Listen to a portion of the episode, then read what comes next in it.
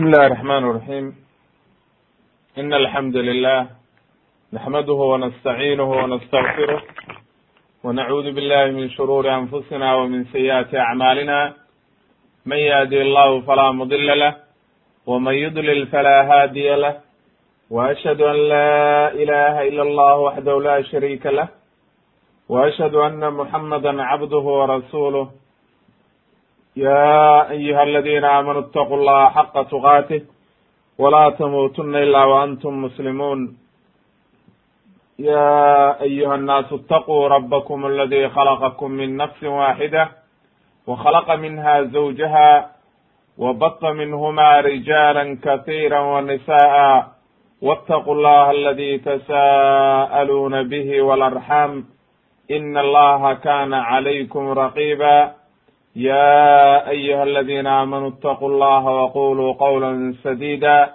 يصلح لكم أعمالكم ويغفر لكم ذنوبكم ومن يطع الله ورسوله فقد فاز فوزا عظيما أما بعد فإن أصدق الحديث كلام الله وخير الهدي هدي محمد صلى الله عليه وسلم وشر الأمور محدثاتها وكل محدثة بدعة وكل بدعة ضلالة wa kula dalaalatin fi nnaar. In sha allahu tabaaraka wa tacaala haddii rab idno waxa aynu sharaxaynaa oo soo gaarnay casharkeeni ahaa silsilatu qasas alambiyaa ayaynu waxaynu soo gaarnay qisatu yunus calayhi asalaam yunus ibni mata ayaynu soo gaarnay qisadiisii oo aynu sharaxaynaa in sha allahu tabaaraka wa tacaala waxaan ugu horumarinayaa qodobka ku soo qodobka ugu horreeya aan ku soo qaadayaa aayadaha anoo dul mara bal aayadaha ku soo arooray ayaan dul maraynaa oo waxa weye inta bal meelood ilaahay ku sheegay kitaabka qur'aanka yunus calayhi salaam. Qaala allahu tacaala ilahay waxa uu yidhi fi suurati yunus suuraddan baa loogu magac daray oo waxa weeye qur'aanka oo la yihahdaa fi suurati yunus ilahay waxa uu yidhi falowlaa kanat qaryatun aamanat. Fanafacahaa iimaanuha ilaa qowma yunusa lama aamanuu kashafnaa canhum cadaaba alkhizyi fi lxayaati addunya wamatacnaahum ilaa xiin fi suurati yunus aayadda waxa weeye sagaashan iyo sideed ayaa ilaahay ku keenay aayadda. Macnaheeduna waxa weeye macnaha haddii la heli lahaa qaryo ama magaalo ama dad qaryadu waa magaalada.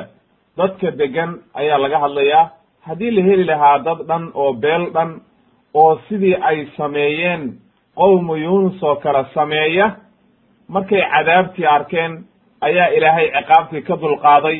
Markay toobad keeneen oo ilaahay u tadaruceen oo ilaahay u soo noqdeen ayaa ilaahay cadaabtii ka dulqaaday. Haddii marka la heli lahaa ummadihii la halaagay saas oo kale hadday samayn lahaayeen ilaahay waa ka dulqaadi lahaa marka ilaahay waxa uu yidhi ilaa qowma yunusa. Laakiin reer qowmu yunus iyaga waa laga dulqaaday cadaabkii.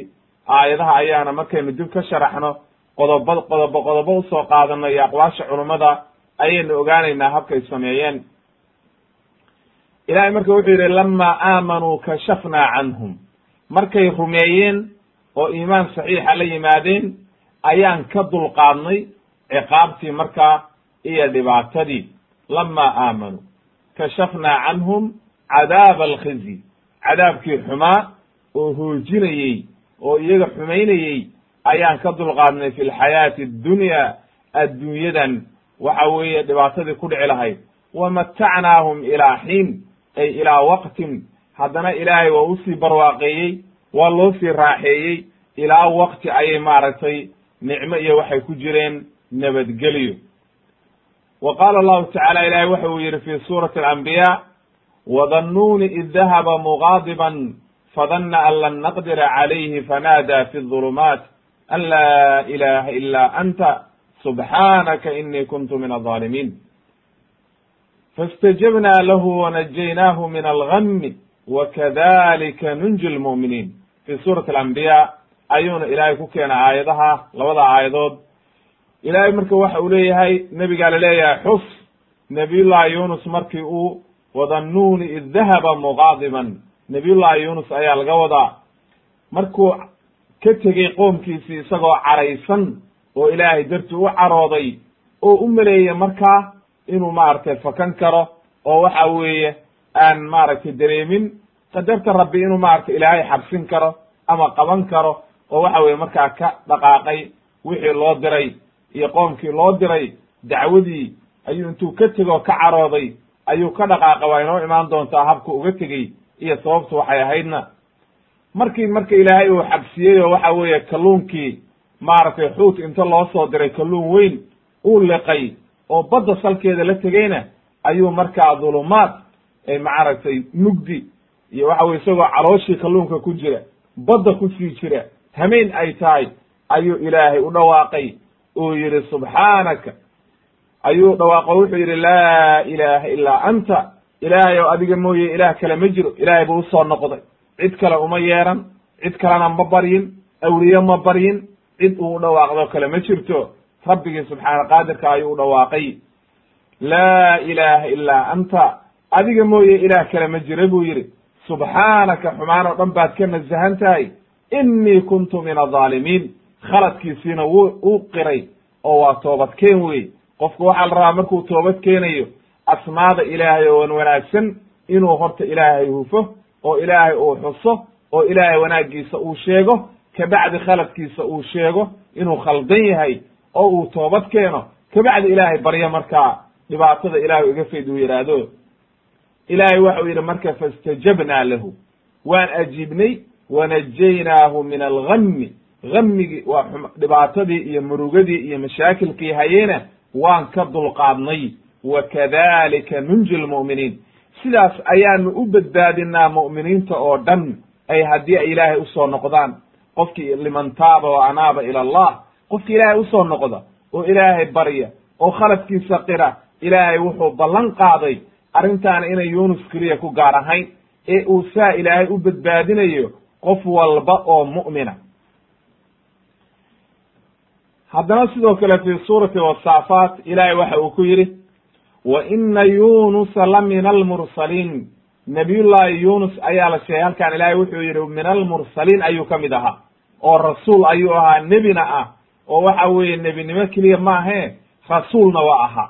Leannahu adda ka hor baynu sheegnay rasuulka iyo nebinimadu waa kala laba derajo wey nebiyada qaar baa waxay yihiin nebiye keliya oo loo waxyoodo aan la amrin inuu maaragtay dadka dacwada ugu yeero jihaad galo dagaalamo oo waxa weye aan la amrin oo rasuul laga dhigin.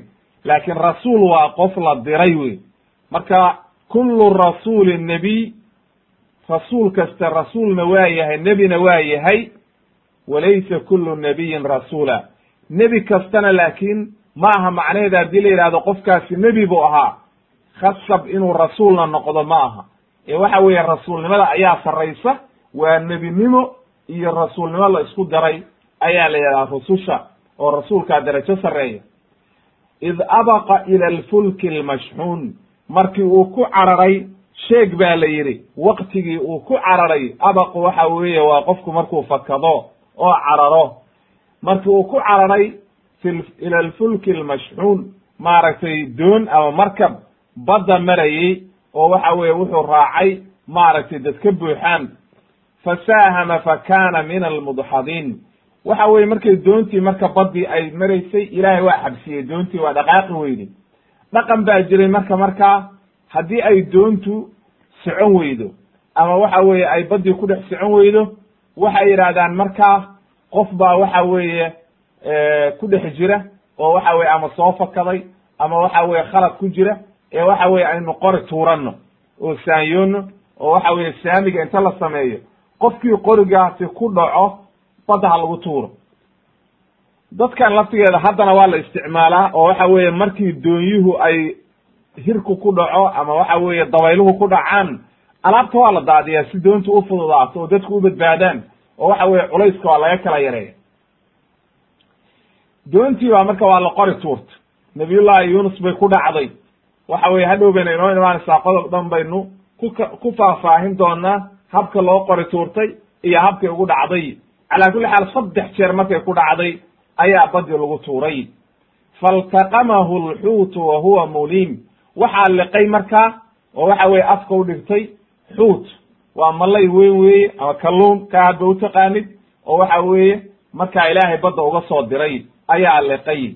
Ilaahay wuxuu yidhi falowlaa annahu kana min almusabixiin qowlkaana waxa weeye falowlaa annahu kana min almusabixiin laba macno ayay culimmadu leeyihiin. Dib buuna inooga imaanayaa.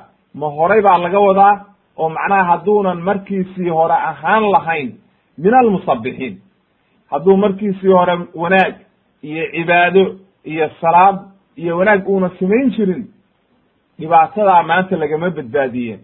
Mise waxaa laga wadaa markii uu ku dhawaaqay laa ilaha ilaa anta subxaanaka inii kuntu min adaalimiin tasbiixda ma taasaa laga wadaa? Dib bay inooga imaanaysaa culummadu sida ay ugu kala kaceen iyo aqwaasha ay ka yidhaahdeen wuxuu marka ilaahay yidhi lalabisa fii badnihi ilaa yowmi yubcathuun. Ee ilaahay hadduunan u gargaarin oo uunan isagu tasbiixsan oo una toobad keenin meesha ayuu ku jiri lahaa oo qabrigiisa ahaan lahayd kalluunkaa calooshiisa ayuu ku jiri lahaa ilaa iyo waxa weeye laga soo saaro dadka oo qiyaamo la yimaado. Subxaana allah waa arrin aad iyo aad u cajiibo ilaahay waxa uu yidhi marka fanabadnaahu bilcaraa'i wa huwa saqiim. Laakiin ilaahay baa badbaadiyey oo kalluunkii waa laga soo saaray. Ilaahay wuxuu yidhi fanabadnaahu waxaanu ku tuurnay bilcaraa'i ay dhul bannaan. Caraagu waa meesha bannaan oo aan geedaha lahayn ayaanu maaragtay ku tuurnay wa huwa saqiim isaga oo xanuunsan. Leannahu qof ba halliqay oo waxa weeye dee hadduuba cuninba ma uu cunin laakiin calooshuu geeyey oo ilaahiyga subxaana qaadirka wax walba waa awoodaa. Laakiin waa khatar wey qofkii waa baaba'aya dhibaataa ku dhacaysa. Dib bayna inooga imaan doontaa waxa laga wado oo waxay culimmadu ay ku fasireen saqiimka. Wa ambatnaa calayhi shajaratan min yaqdiin yaqdiinkaa marka ilahay wuxuu yidhi wa ambatnaa calayhi.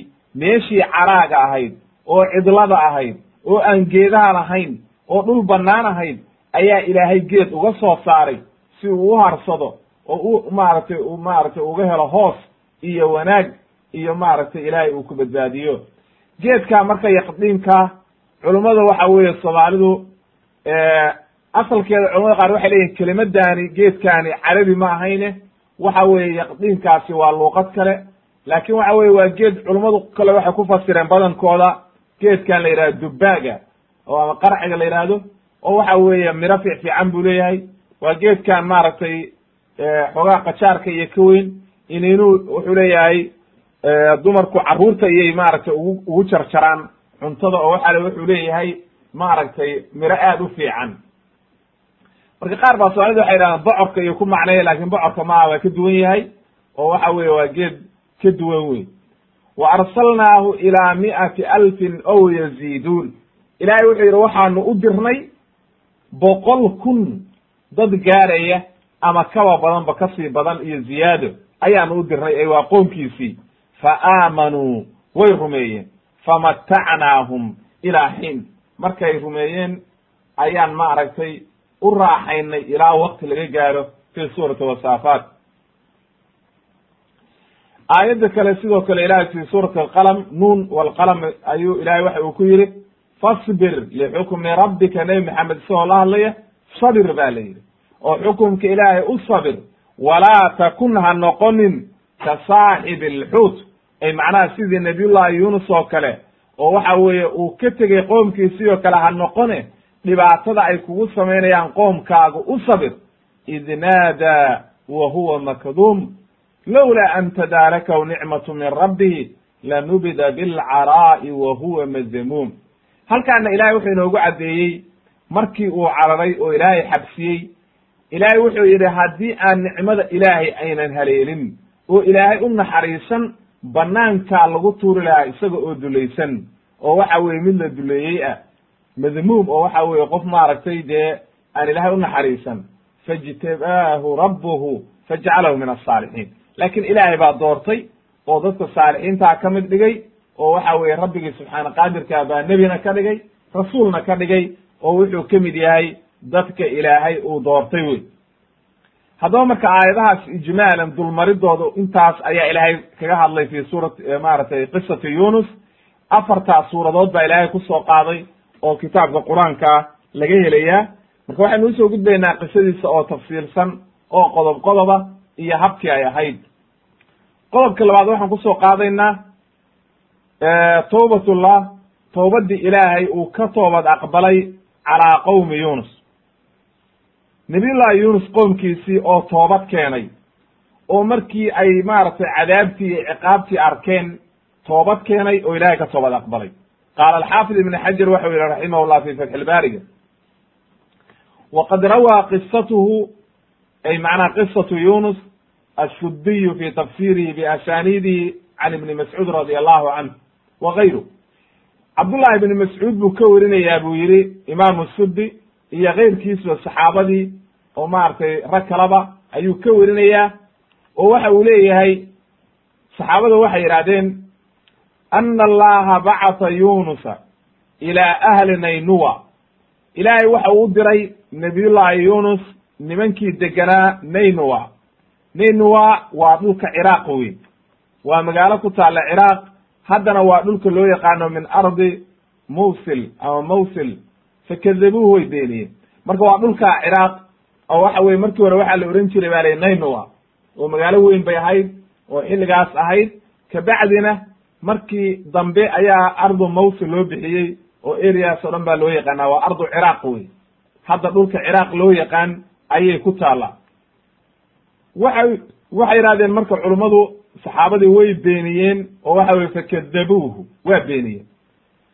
Fawacadahum wuxuu u ballan qaaday binuzuuli alcadaabi fi waqti mucayin mucayan wuxuu u ballan qaaday inuu ciqaab ku soo dhacayso riwaayadaha qaar baa waxay leeyihiin saddex beri kabacdi ayaa cadaab idin imaanayaa buu yihi wuuna ka baxa isagoo u caraysan muqaadiban lahum.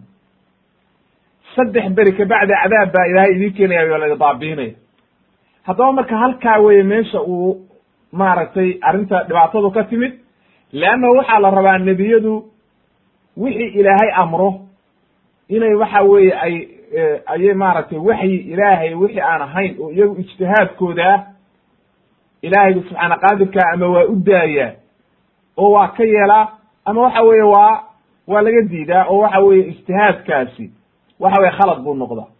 Marka sidaa daraaddeed nebi maxamed calayhi salaatu wasalaam markii maka iyo lagu dhibayey wax walba wuxuu odhan jiray layma amrin.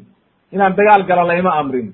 Macnaha waa inuu ku socdaa nebiga nebi kasta iyo rasuul kasta sidii ilaahay u amray oo waxa weeye tilaabo kasta markuu qaadayo waa inay noqotaa waxyi min allah. Marka nabiyullahi yunus calayhi salaam caradii uu carooday ayaa waxay ka keentay inuu yidhaahdo waa layda cadaabayaa iyada oo aan weli ilaahay amrin. Falama ra'w maaragtay aathaar alcadaab.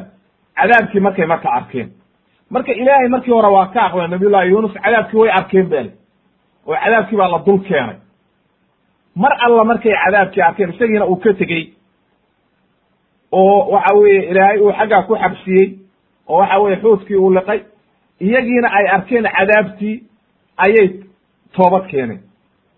oo intay baqeen oo gacmaha hoorsadeen ayay ilaahay baryeen ilaahay markay baryeen marka ayaa ilaahay u naxariistay oo cadaabkii ka dulqaaday. markay toobad keeneen ayaa ilaahay cadaabkii ka dulqaaday. Nabiyullahi yunus marka doontii buu fulay waa tegey isagu. markaasaa waxa weeye way qori tuurteen. Markay doontii socon weyday oo waxa weeye ay hirkii fa rakiba safiinatan falajajat waxa weye macnaha way geriiday oo doontii waa socon weyday oo waxa weye doontii inay harqato ayay ku dhowaatay way qori tuurteen marka. Saddex jeer bay waxay ku dhacday marka nabiyullahi yunus in isaga la tuuro. Waa la tuuray faltaqamahu lxuut waxaa liqay markaa maaragtay kalluunkii weynaa ayaa liqay markaa sidoo kale ibn abi xaakim wuxuu werinaya cabdullahi ibn mascuud ka werinayaa naxwahu waxaana ku jiray wa asbaxa yunusu. Subaxdii saddexaad ayuu waa beriistay magaaladii buu eegay ma uu arag marka wax cadaaboo ku dhacay. Wa kaana fi shariicatihim. Shariicadoodana waxaa ka mid ahayd oo waktigaas ninkii xaakimka meesha ka jiray waxau ahaa qofkii been sheega waa la dili jiray. Wuu ka tegey marka isagoo u caraysan markuu arkay cadaabkii inuuna ku dhicin buu is iri kuwii kugu gaaloobay oo maanta haddana ku yidhaahda been baa sheegtay waaba ku dilayaane ilaahay darti kuwaan uga tag. Doontii buu marka fulay doontii baa markaa la harqan gaadhay oo waxa weeye la dhaqaaqi weyday oo baddii in dadkii o dhan halaagsamaan way qori tuurteen marka. Marka waxaa ka mid ahayd arrinta xadiidka asarkaa waxaa ku jiray inuu yidhi nabiyullahi yunus laftigiisu waxaa doonta saaran waxa weeye nin fakada oo waxa weeye maaragtay soo fakaday oo ilaahay ka soo fakaday oo doontu socon mayso ilaa aad tuurtaan. Markaasay waxay yidhahdeen kuma tuurayno nebiga ilaahyo kabacdi adu markii la qori tuurtay ayaa doontii markaasi loo badbaadiyo ayaa isagii marka badi lagu tuuray. Markii badi lagu tuuray ayaa waxaa ilaahay u soo diray kalluunkaa weyn. Afku u dhigtay wuu liqay markaasuu badda la quusay. Markii uu la tegey marka moolka badda oo waxa weye salka la tegey oo badihii uu la dhex dawaafay ayuu wuxuu maqlay tasbiix marka. Tasbiix buu maqlay. Markaasu waxa weye isagiina tasbiixsaday oo yihi laa ilaha ilaa anta subxaanaka inii kuntu min adaalimiin marka aahaarta waxaa werinaya imaamu sudi iyo wa saxaxahu maaragtay xaafid ibn xajar fi fatxi ilbaariga majalada lixaad shan boqol iyo konton ayuu ku saxiixiyey. Sidoo kale wuxuu leeyahay ibn kathir raximahullah. Wuxuu leeyahay ahlu tafsiirku waxay yidhahdeen nabiyullahi yunus ayaa ilaahay u diray ilaa ahli naynuwa meesha waxa weye waddanka meesha magaalada loo ohan jiray naynuwa oo waxa weye ardu ciraaqa. Haddana loo yaqaano min ardi lmawsil ayaa ilaahay u diray. Diintiibuu ugu yeeray. Waa beeniyeen marka. Waa ku gaaloobeen canaad bay sameeyeen. Markii waktigii dheeraaday oo dhibaatadii badatay ayuu isaga tegey. Isagoo u caraysan wuxuuna yidhi cadaab ilaahay ayaad ku dhici doontay saddex beri kabacdi sidaa waxaa laga warinayaa buu yidhi ibnu kathiir cabdullahi ibnu mascuud imaamu mujaahid saciid ibnu jubayr qataata wa gayru waaxidin min asalaf walkhalaq marka saasay culimmadu u badan yihiin in nabiyullahi yunus qoomkaa markii loo diray oo ay ku gaaloobeen uu u ballan qaaday in ciqaabi ku imaanayso oo cadaabtii ilaahay suga buu yidhi isagana tegey markaa. Oo waxa weye uu ka dhaqaaqay ayay culummadu u badan yihiin. Markuu ka baxay marka oo waxa weye uu doontii fuulay oo ay arkeen markuu isagii ka tegey ay arkeenna inuu cadaabkii soo dul istaagay oo aathaartii cadaabka ay arkeen ayaa ilaahay waxau quluubtoodii ku riday qadafa allahu fii quluubihim altawbata walinaaba inay toobad keenaan oo waxa weye ilaahay u soo noqdaan ayaa qalbigooda ilaahay ku riday wayna ka xumaadeen dhibaatadii ay sameeyeen iyo nebigii ay ku gaaloobeen waxay leeyihiin marka saxaabadu iyo iyo mufasiriintu dhar waxay xirteen aad maaragtay khuduuc uga muuqdo oo waxa weye aan qurux badnayn oo madmadow markaasay waxa weye ilaahay u toobad keeneen oo waxa weye xataa wuxuu soo guurinaya ibnu kathiir inay kala kaxeeyeen maaragtay xoolihii ilmihii yaryarka ahaa iyo hooyooyinkood inay kala kaxeeyeen carruurtii iyo hooyooyinkood kala kaxeeyeen qof walba la yidhi maanta ilaahay baryo gacmaha u hoorso markaasay codkoodii kor u qaadeen oo ilaahay baryeen oo tadaruceen markaa. Markay noocaas sameeyeen marka ayaa ilaahay u naxariistay. Markii dumarkii carruurtii kulli waxa weye ay ilaahay baryeen dadkii masaakiinta ah ayaa ilaahay u naxariistay.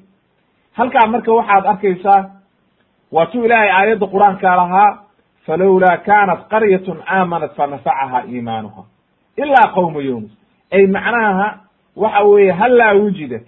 Haddii la heli lahaa sidii qowmu yunus oo kale qoom markay cadaabtii dhibaatadii iyo halaagii u yimaado toobad keena ilahay waa u naxariisan lahaa laakiin lama helin.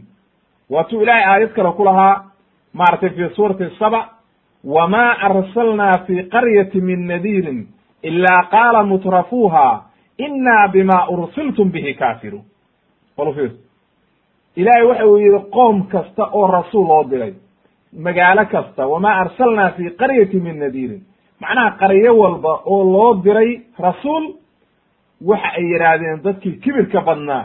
Mutrafka waxa la dadka madaxda iyo kibirka iyo waxa weye dadka hogaaminaya oo isla weyn oo gaaloobaya asxaabu lmala waxay yidhahdeen inna bima ursiltum bihi kaafiruun wax alla wixii laydinla soo diray waa ku gaaloobay nooca marka markay sameeyeen aayadda marka waxay kutusaysaa inaynan maaragtay haddii la heli lahaa dadka ay saas samayn lahaayeen oo ilaahay u toobadkeeni lahaayeen sidii qowma yunus oo kale leanna ilahay wuxuu yidhi ilaa qowma yunusa intaasaa laga soo reebay.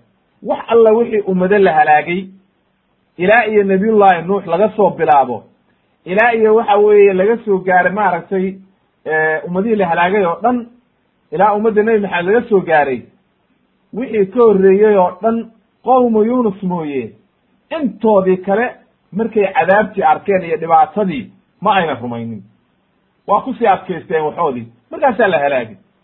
Laakin ilaa qowma yunus nabiyullahi yunus qowmkiisii iyagu ilaahay bay rumeeyeen lama aamanuu kashafnaa canhum cadaaba alkhizi fi lxayaati addunya wamatacnaahum ilaa xiin ilaahay waxa uu yidhi iyagu way rumeeyeen ay macnaha aamanuu bikaamilihim kulligood waa rumeeyeen hal qof kama hari wata ilaahay leeyahay fa aamanuu famatacnaahum ilaa xiin marka way rumeeyeen say u dhammaayeen nabiyullahi yunus qoomkiisii ilaahay bay u toobad keeneen waxa weeye gacmahay horsadeen ilaahay bay baryeen cid kalena ma ay baryin meel kale lama ay aadin baryadii rabbigi subxaana qaadirkaa bay baryeen qodobka labaad aan u soo gudbayna waxa weeye qodobka saddexaad.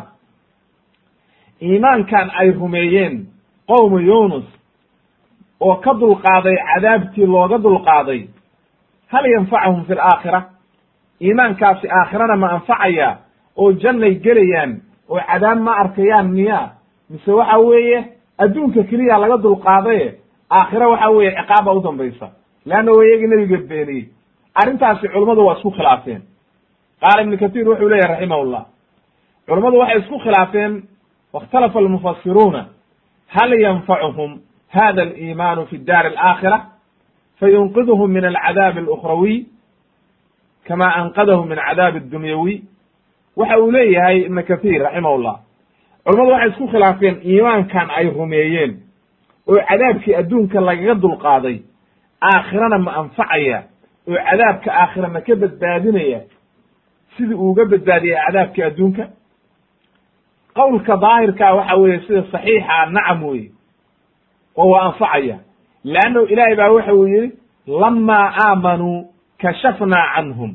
Cadaab alkhizyi lamaa aamanuu mar haddii ay rumeeyeen oo iimaan la yimaadeen sida daahirkaa waxa weeye qofku haddii uu iimaan la yimaado alislaamu yajubu maa qablahu buu yihi nabiga calayh isalaatu wasalaam. Ama atawbatu tajubu maa qablaha.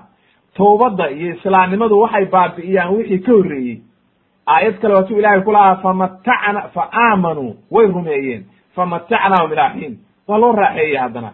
Haddaba raaxadaa loo raaxeeyey wanaaggaa ilaahay siiye adduunka aakhirana waa dad mu'miniina weeye qofkii ku dhintay iimaankiisii marka qodobkaa khulaasadiisu waxa weeye qofkii reer qowma yunus ka mid ahaa oo iimaan la yimid oo iimaannimadiisii ku dhintay toobad keenayna oo iimaannimadaa ku dhintay oo muslimnimadaa iyo nabiyullahi yunus markii uu rumeeyey saa ku dhintay aakhirana waxa weeye waa qof mu'mina ilaahay jannadiisuuna gelaya cadaabna waxa weeye haddii uuna dembi kale ku gelin gaalnimo ku geli mayo cadaab.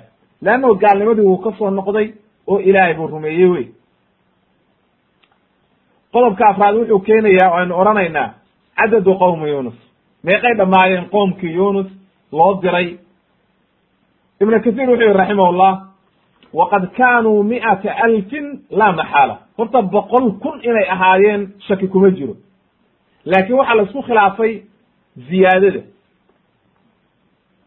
Wa arsalnaahu ilaa mi'ati alfin ow yaziiduun qowlkaasaa la isku khilaafay. Marka culamada qaar waxay yihahdeen sida makxuul iyo casharatu aalaaf ayaa wehelisay oo boqol kun iyo toban kun bay ahaayeen. Imaamu tirmidi waxa uu werinayaa iyo ibnu jariir iyo ibnu abi xaatim iyo xadiis daciifa oo waxa weeye laga werinaya can ubay ibni kacab inuu yihi nebigaa la weydiiyey oo nebigaan weydiiyey sa'altu rasuula allahi sala allahu alayh wasalam can qowlihi tacaala nebiga ayaan weydiiyey qowluhu tacaala wa arsalnaahu ilaa mi'ati alfin ow yaziiduun markaasuu nebigu wuxuu yidhi ilaahay aayadda qur'aanka wuxuu ku leeyahay wa arsalnaahu ay nabiyullahi yunus waxaanu u dirnay boqol kun dad gaaraya boqol kun ow yaziiduun iyo ziyaadado ama ka hoosii badan. Marka xadiidka daciifka wuxuu leeyahay labaatan kun ayaa wehelisay ayuu yihi nebigu. Xadiidkaa marka imaamu tirmidi wuxuu yihi waa qariib ay daciif wa dacafahu sheikh alalbani raxmat ullahi caleyh fi sunan tirmidi saddex kun iyo laba boqol labaatan iyo sagaal xadiidku marka waa xadiis daciifa waxba laga qaadan mayo hadduu saxiix noqon lahaa ziyaadada khilaaf kama yimaadeen oo waxaynu odhan lahayn boqol iyo labaatan kun bay ahaayeen qaala cabdullahi ibni cabaas waxa uu leeyahay isaguna waxa wehelisay soddon kun riwaayad kale wuxuu leeyahay dhowr iyo soddon riwaayad kale wuxuu leeyahay afartan saciid ibnu jubayr wuxuu leeyahay ilaa toddobaatan kun baa wehelisay sida sawaabtaa waxa weeye oo saxiixa oo waxa weeye daahirka aayadda laga qaadanayo ilaahay waxau inoo sheegay aqwaashaas oo dhan horta wax daliila uma hayno. Qowlka daahirka marka aayaddu waxa uu keenaya ilaahay wuxuu inoo sheegay inuu ilaahay u diray boqol kun iyo ziyaado. Ziyaadadaa cadadkeedii lama hayo. Ilaahay baa garanaya intay ahayd. Daliil saxiixa kuma soo aroorin kitaabka iyo sunnaha midna looma hayo. Walcilmu cinda allah ilaah baa garanaya wax caqiide ah iyo wax maanta axkaamo inooga xiranna ma jiraan. Cadadkoodii marka waxaynu ku soo qaadanaynaa inay boqol kun ka badnaayeen. Laakiin inta ay ka badnaayeen boqol kun allah baa garanaya qodobka shanaad aan u soo gudbayna waxa weeye yunus calayhi salaam fii badni alxuut nabiyullaahi yunus calayhi salaam oo ku jira uurkii maaragtay calooshii kalluunka ama malayga hadba si aad u taqaanid. Leanno dadka qaarna malay bay yidhahdaan qaarna kalluun waana isku mid wey qaala allahu tacala ilah waxa uu yidhi wa ina yunusa la min almursaliin id abaqa ila alfulki almashxuun fasaahama fakana min almudxadiin faltaqamahu alxuutu wa huwa muliim fii suurati wasaafaat ayuu ilaahay ku keena aayadaha nabiyullaahi yunus inuu rususha ka mid yahay baa ilaahay inoo caddeeyey. Markii uu fakaday oo doonta ku fakadayna markii la qori tuurtay in la tuuray kabacdina uu kalluunkii liqay. Qaala ibnu kathiir raximahullah waxa uu leeyahay ibnu kathiir. Markii ay ku dhacday qurcadii oo waxa weeye la qori tuurtay oo baddi lagu tuuray ulqiya fi lbaxri baddaa lagu riday. Wa bacata allahu xuutan cadiiman min albaxri ilaahay wuxuu u soo diray kalluun aad u weyn oo badda laga soo diray. Faltaqamahu afku u dhigtay markaa oo waxa weye iltiqaamka waxa waxaad afka gelisid wey wa amarahu llahu ilaahay wuxuu amray anlaa ya'kula lahu laxman walaa yahshima lahu cadman. Inuuna hilibkiisa cunin baa la amray. Lafna ha ka jebin ba la yidhi hilibkiisana ha cunin. Oo waxa weeye cunto kuma ahee caloosha ungeli halkaa ku xabsi markaa ilahayna wax walba waa awooda in allaha calaa kuli shayin qadiir. Marka dee wax lala yaabo hadda ma aha oo hadeer waxaa dhacda baalahan waa waad aragteen iyo xaaska iyo markuu badda ama webiyaasha waxa intuu afka udhigtuu liqaa dam isagoo ka siiyey baad arkaysaa oo aan calalinba afka inta u dhigtay liqay markaa marka. Waxa weye ilaahayga subxaana qaadirkaa baddaan waxa ku jira ilaah baa garanaya. Intuu la ekaana ilaah baa garanaya kalluunkaa nooca uu ahaana rabbi baa garanaya laakin wuxuu ahaa xuut kalluunun buu ahaa. Waxay culummadu marka isku khilaafeen waxau yidhi marka ibnu kathiir wuu liqay badduu la galay marka. Waxaa la isku khilaafay marka muddadii inteebay dhammayd inta uu calooshiisa ku jiray. Meeqay dhammayd.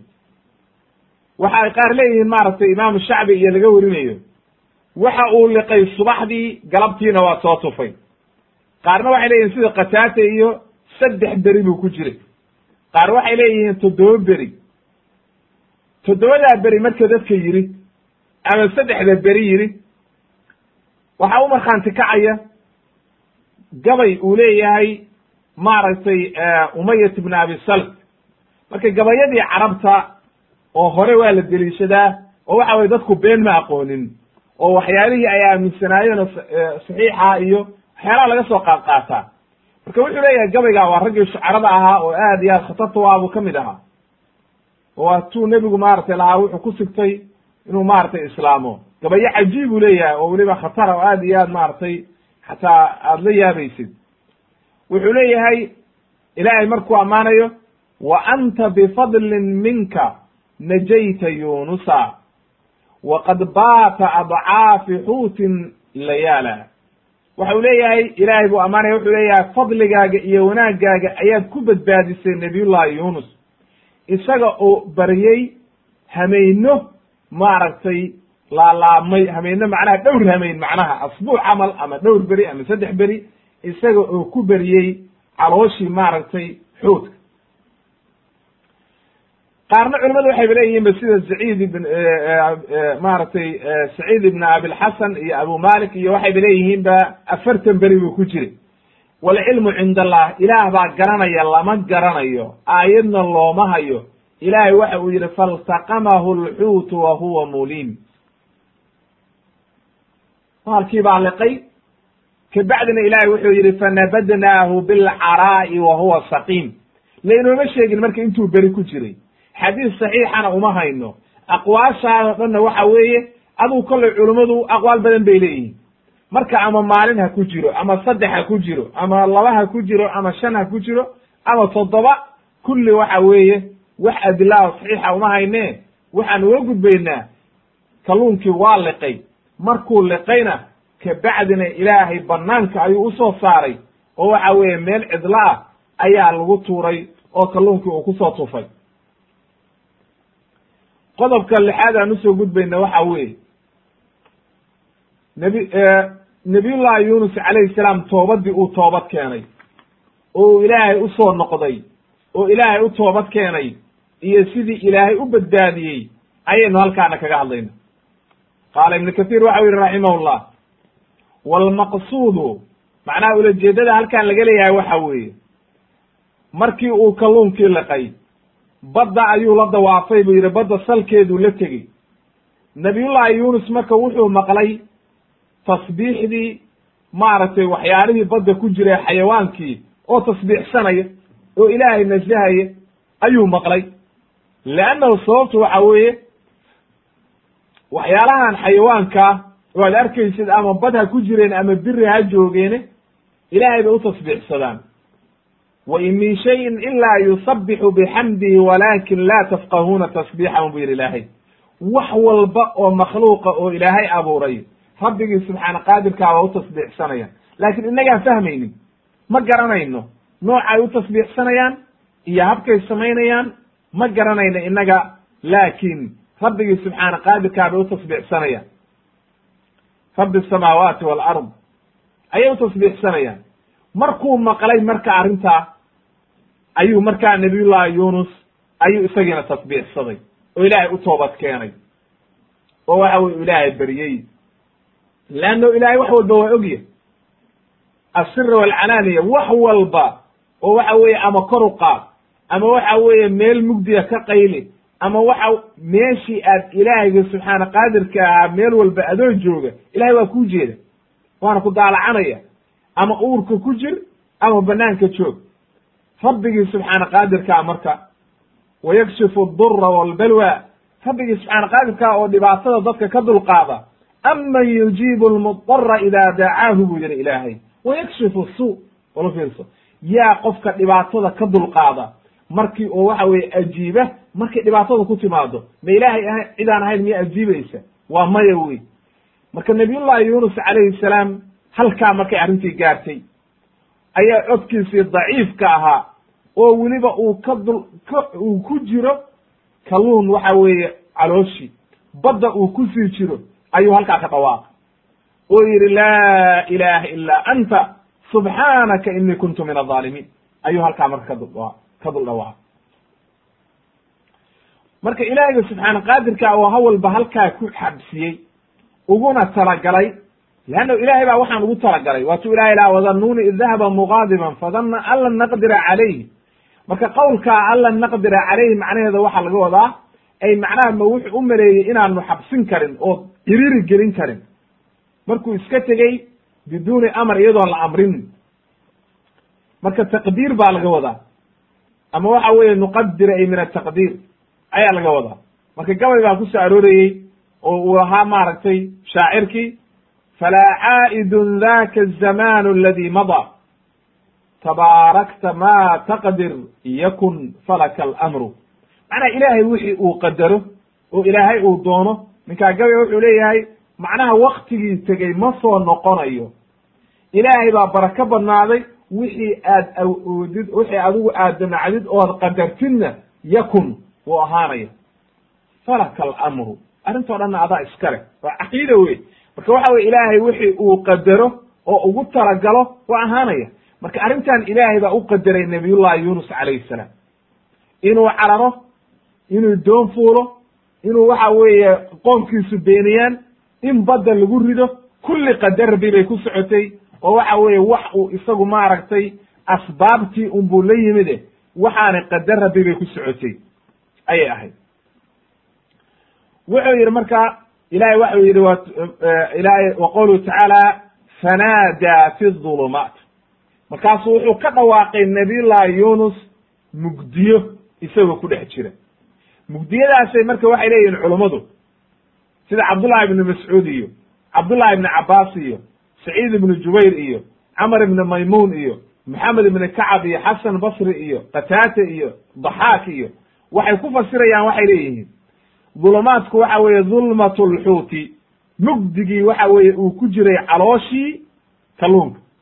Wa dhulmat lbaxri uuna haddana ku sii dhex jiray mugdigii badda. Wa dhulmat lleyli haddana ay hameen ahay saddexdaas mugdi ayaa laga wadaa wanaadaa fi fanaadaa fi dhulumaat dhulumaat iyo mugdi ayuu ka dhex qayliyey oo muxuu ku dhawaaqay ma oranin awliye fulaney iyo awowe fulanow iyo ibadbaadiyo sharad ma gelin nadera ma gelin waxba ma gelin. Ilahay buu gacmaha uga horsaday. Oo waxa uu yidhi laa ilaha ilaa anta subxaanaka inii kuntu min adaalimiin ilaahay oo adiga mooye ilaah kale ma jiro. Saddex arrimood buu meeshaan ku sugay nabiyullahi yunus calayhi salaam. Awalan horta tawxiidkii buu qabsaday oo wuxuu qiray ilaahay mooye ilaah kale inuusan jirin. Waa laa ilaha ila allah labo ilaahay buu hufay oo waxa weye wax walba oo xumaanuu ka nasahay oo wuxuu yidhi subxaanaka ay xumaan oo dhan baad ka nasahantaha saddex wuu toobad keeno wuxuu yidhi inii kuntu min adaalimiin waxaan ka mid noqday kuwa dhaalimiinta ah ee inii atuubu ilayka waan kuu toobad keenaya. Leanno dembigay dembi baan galay. Iqraar buu sameeyey inuu dembi galay oo uu khaldan yahay. Sidaa daraaddeed baa ilahi waxa uu yidhi falowlaa annahu kaana min almusabixiin lalabisa fii badnihi ilaa yowmi yubcathuun haddaba maxaa laga wadaa qowluhu tacaala falowlaa annahu kaana min almusabixiin halkaa laba qowl bay culummadu ka yidhaahdeen qaar waxay yidhaahdeen macnaheedu waxa weeye falowlaa annahu sabaxa allaha hunaaka wa qaala maa qaala min altahliili waltasbiixi walictiraafi lilahi bilkhuduuci waltawbati ilayhi walrujuuci ilayh waxay leeyihiin culummadu halkan haddii uuna nabiyullahi yunus calayhi salaam falowlaa annahu kaana min almusabixiin waxaa laga wadaa haddii uunan halkaa mugdigaa markii uu ku jiray uuna tasbiixsan uunan odhan subxaanaka uunan laa ilaaha illaa anta subxaanaka una dhihin halkaasuu ku jiri laha waa loo dayn laha ilaa yowmi alqiyaama halkaasaa loo dayn laha hadduuna tasbiixsan oo toobad keenin oo tawxiidka ku dhegin oo ilaahay una ukhuduucin oo ilaahay una baryin. Mugdiyadaa isagoo ku jira kalluunka calooshiisiina ku sii jira ayuu ilaahay baryaya oo ilaahay u toobad keenaya. Haddaba halkaa ayuu ku jiri lahaa baa la hadduuna ficilkaa samayn lahayn. Ilaa yowmi ilaa yowmi alqiyaama. Oo halkaasaa laga soo saari lahaa aakhire markii la gaaro.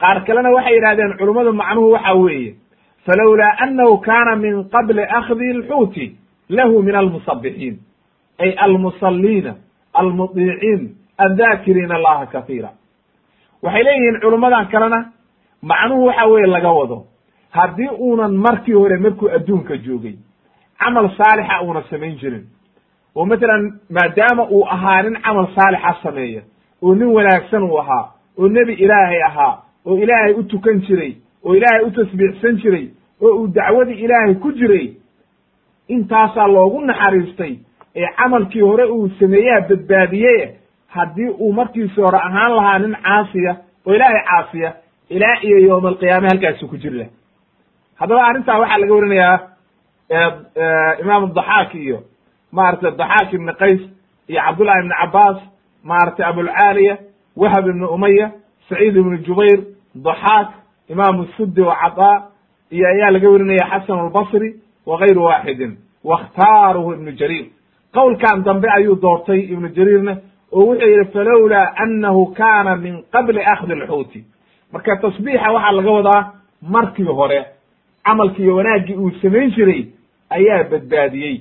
Axaadiis soo socotaana inoo caddayn doonta qowlka oo ilaahay inuu ugu naxariistay maaragtay wixii uu horay u samayn jiray xadiidkii cabdullahi ibni cabbaas oo u markhaanti kacaya qowlka oo waxa weeye uu nebigu ku yidhi cabdullahi ibni cabbaas oo wiil yara ah yaa ghulaam inii mucallimuka kelimaat waxaan ku barayaa buu yidhi wiiliyow kelimaat ee xifdi.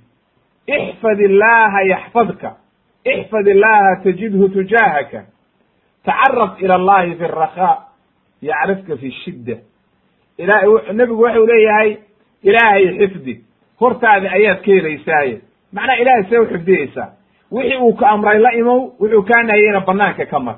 Ilaahay markaa wanaag buu ku siinaya oo ilaahay baa ku xifdinaya. Tacaraf ila allahi ilaahay caabud oo aqoonso fi rikhaa rikhaagu waxa weye waa markaa barwaaqada ku jirtid.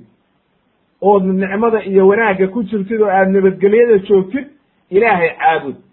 Yacrifka fi shidda markii dhibaatada kugu dhacdo ayaa ilaahay ku badbaadinaya haddaba marka nabiyullaahi yunus maadaama uu ahaa min almusabbixiina qabla alimtixaani ayaa ilaahay badbaadiyey marka. Oo waxaa loo baahan yahay qofku inuu marka hore noqdo markuu caafimaadka qabo wanaagsan yahay mid ilaahay ka cabsada. Oo waxa weye rabbigii subxaana qaadirkaa adeeca. Xadiidkaana waxa weriyey imaamu tirmidi iyo imaamu axmed wa saxaxahu sheekh albani raximahullah fi sunan tirmidi laba kun iyo shan boqol iyo lix iyo toban iyo mishkaat almasaabi shan kun iyo saddex boqol iyo labo. Sidoo kale waxa uu werinayaa moxamed ibn isxaaq waxa uu ka werinayaa maaragtay aba hureyre in laga weriyey inuu yidhi qaala rasuulu llahi sala allahu alayh wasalam lama araada allahu xabsa yunusa fii badni alxuuti.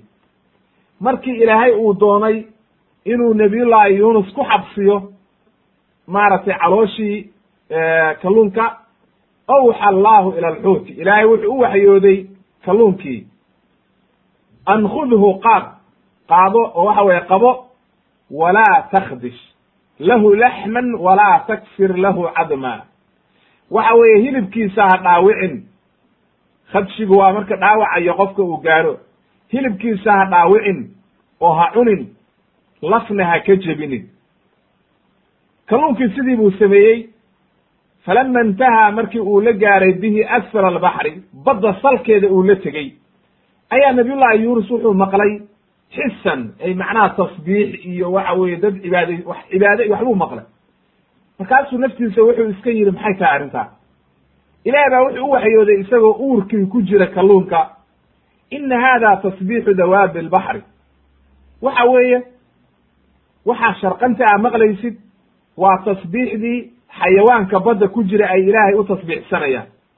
Fasabaxa wa huwa fii badni alxuut isagoo markaa ku jira calooshii kalluunka ayuu isna ilaahay u tasbiixsaday. Oo maaragtay u tasbiixsaday. Oo uu kelmaamkiisii ku dhawaaqay kalaamkii ahaa laa ilaha illa anta subxaanaka ini kuntu min adaalimiin fasamicat almalaa'ika. Malaa'igtii ayaa maqashay. Tasbiixahu. Tasbiixdii bay maqleen. Faqaaluu waxay dhahen ya rabbana allahyow waxaan maqlaynaa bay dheheen inaa nasmacu sawtan daciifan biardin gariiba waxaan maqlaynaa bay dheheen allahayow rabbigayo waxaan maqlaynaa sawt daciifa oo waxa weye dhul gariiba oo aan la garanaynin. Qaala wuxuu yidhi markaa ilaahay daaka cabdii yunus kaas codkiisa aa maqlaysaan waa addoonkaygii yunus casaanii waa i caasiyey. Caasinimadan waxaa laga wadaa waxaanan amrin buu sameeyey ee waxa weeye dembi kale ma gelin. Macnaha carabid tegiddii uu ka tegey iyadoon ilaahay amrin ou dacwadii ka tegey. Faxabastuhu fii badni alxuuti fi lbaxri ilahay wuxuu yihi marka ilaahay waxaan ku xabsiyey malaa'igtii baa loo sheegayaa fii badni alxuut. Calool malay ayaan ku xabsiyey oo waxa weye ku xabsiyey ama kalluunka uurkiisii oo badda ah. Qaaluu waxay dhaha marka alcabdu saalix aladi kana yascadu ilayka minhu fi kuli yawmin wa layla camalun saalix kaasi ma waxa weeye addoonkaagii wanaagsanaa oo maalin walba iyo hameen walba camal saalixa uu waxa weeye ka imaan jiray oo camal saalixa uu maaragtay kor soo aadi jiray xaggaaga ee macnaha kuu tasbiixsan jiray ku ciba cibaadada samayn jiray dacwada ku jiray oo camal saalixa maalin walba malaa'igtu u qori jirtay qaala nacam ha qaalu markaasuu nebigu wuxuu yidhi fa shafacuu lahu cinda dalik way u shafeeco qaadeen. Ilaahay ba baryeen. Markaasaa ilaahay wuxuu u sha shafeecadoodii aqbalay fa amara alxuuta waxaa la amray kalluunkii ayaa ilaahay amray. Faqadafahu fi saaxil. Xeebta badda ayuu ku tuuray. Saaxilka waa xeebta. Xeebta oo waxa weye badda hareeraheeda ayuu ku soo tuuray.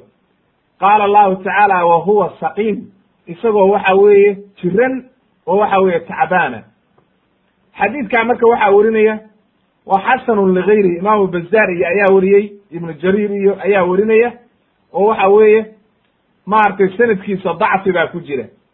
Oo waxa weeye moxamed ibni isxaaqa werinaya laftigiisa ayaa mudallasa. Waxa uuna ku wariyey cancan laakiin rijaashiisa kale waa saxiix. Sida uu haytami leeyahay raximah llah wuxuu leeyahay fi mujmac zawaid imam alhaytami rawahu lbazaar can bacdi asxaabihi walam yasmachu wa fiihi moxamed ibni isxaaq wa huwa mudallas wa baqiyat rijaal rijaalihi rijaalun saxiix marka xadiidku kan kale oo ka daba imaanaya ayaa u markhaanti kacaya labada xadiid labadoodaba dacfigaa ku jira laakiin markii la isku geeyo waxay noqonayaan xasanun ligayrihi waa mustalaxu lxadiidka ayaa loo isticmaalaa waxa weye laba xadiid oo daciif xoogaa dacfi yari ku jiro yinjaber ayay yidhahdaan culummadu way is adkaysanayaan oo waxa weye markaa waxay noqonayaan xasan. Marka xadiidkaa wuxuu inoo caddeeyey bal kayfiyadii iyo habkii iyo nidaam sidii ay ahayd arrintu oo malaa'igtu ay ugu shafeeco qaaday. Xadiidka soo socdana wuxuu leeyahay can zayd ayaa laga warinayaa alraqaashi raqaashigaa laftigiisu waa daciif wey waa nin daciifa oo waxa weye waa inoo imaan doonaa oo xadiidkan dambe laftigiisa ninkaas ayaa lagu haystaa.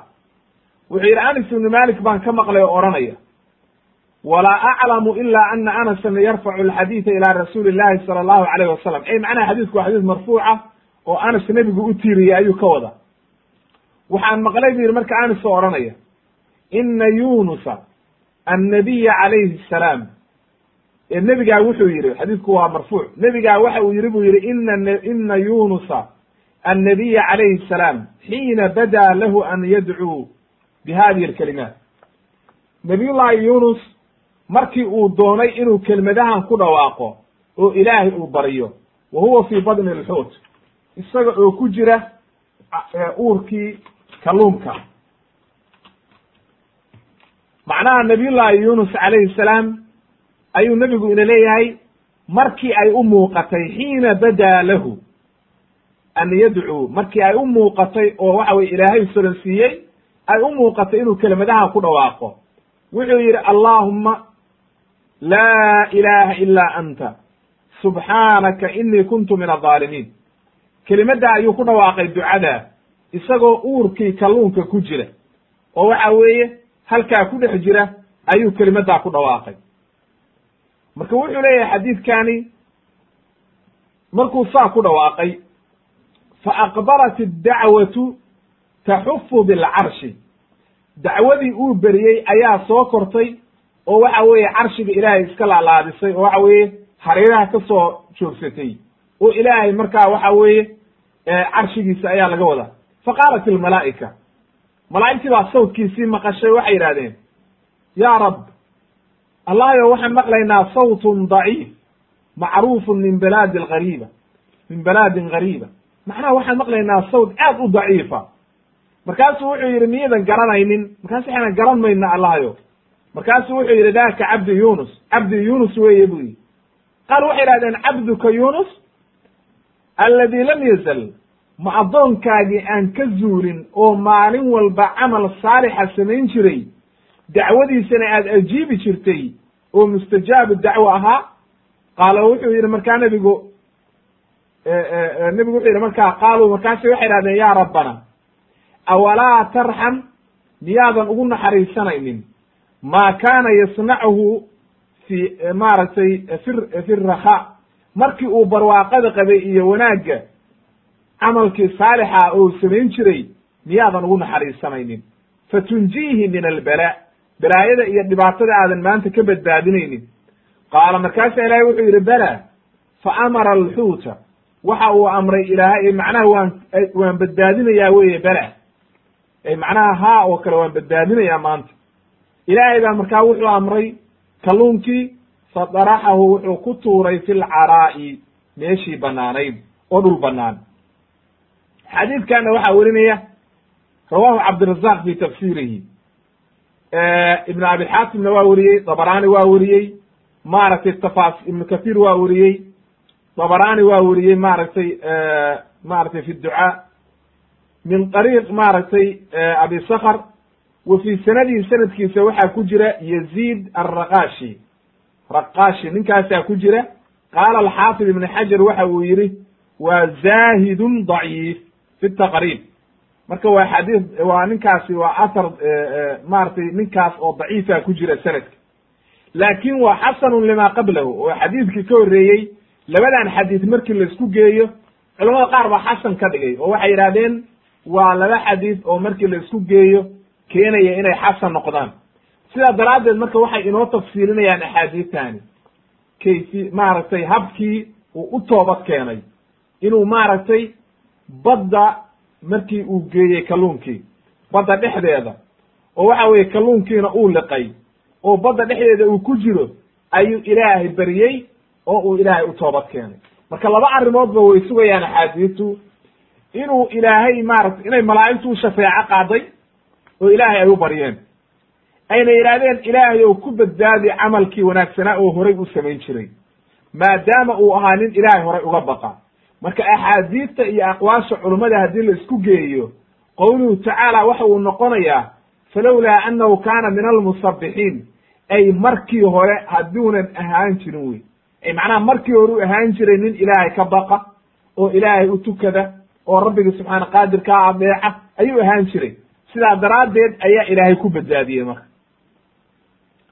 Waxaan u soo gudbaynaa qodobka toddobaad oo oranaya kayfa naja allahu kayfa naja allahu yunusa min algam ilaahay see buu uga badbaadiyey yunus dhibaatadii kayfiyadiyaa marka halkan habkii ilaahay u badbaadiyey ilaahay og wuu ballan qaaday inuu badbaadiyo oo waxa weye ilaahay wuxuu ballan qaaday inuu badbaadinayo laakiin bal habkii loo badbaadiyey iyo meeshii la geeyey ayaynu wax ka soo qaadanayna qaala allahu tacala ilahi waxa uu yidhi fanabadnaahu bilcaraa'i wa huwa saqiim fi suurati wasaafaat ay macnaha alqaynaahu bilcaraa waxaanu ku tuurnay nabdigu waa wax markii la tuuro fanabadnaahu bilcaraa'i marka meelo badan bay kitaabka ku soo aroortay oo waxa weeye waa tu ilaahay maaragtay meelo badan kaga hadlayay reer bani israa'iil iyo maaragtay fanabaduuhu min waraa'i duhuuri maaragtay qur'aanka markay tuurayeen oo diinta ay ka tegeen marka nabdigu waxa weye marka waxaa tuudhid wey bilcaraa'i caraaguna waxa weeye ay dhul banaan ibnu kathiir wuxuu leeyaha wahuwa almakaanu aladi laysa fiihi shayun min alashjaari. Caraaga waxaa la yidhahdaa dhulka saxaaraha oo cidlada ah sida badda xeebteeda oo kale oon markaa wax geeda ay ku oolin.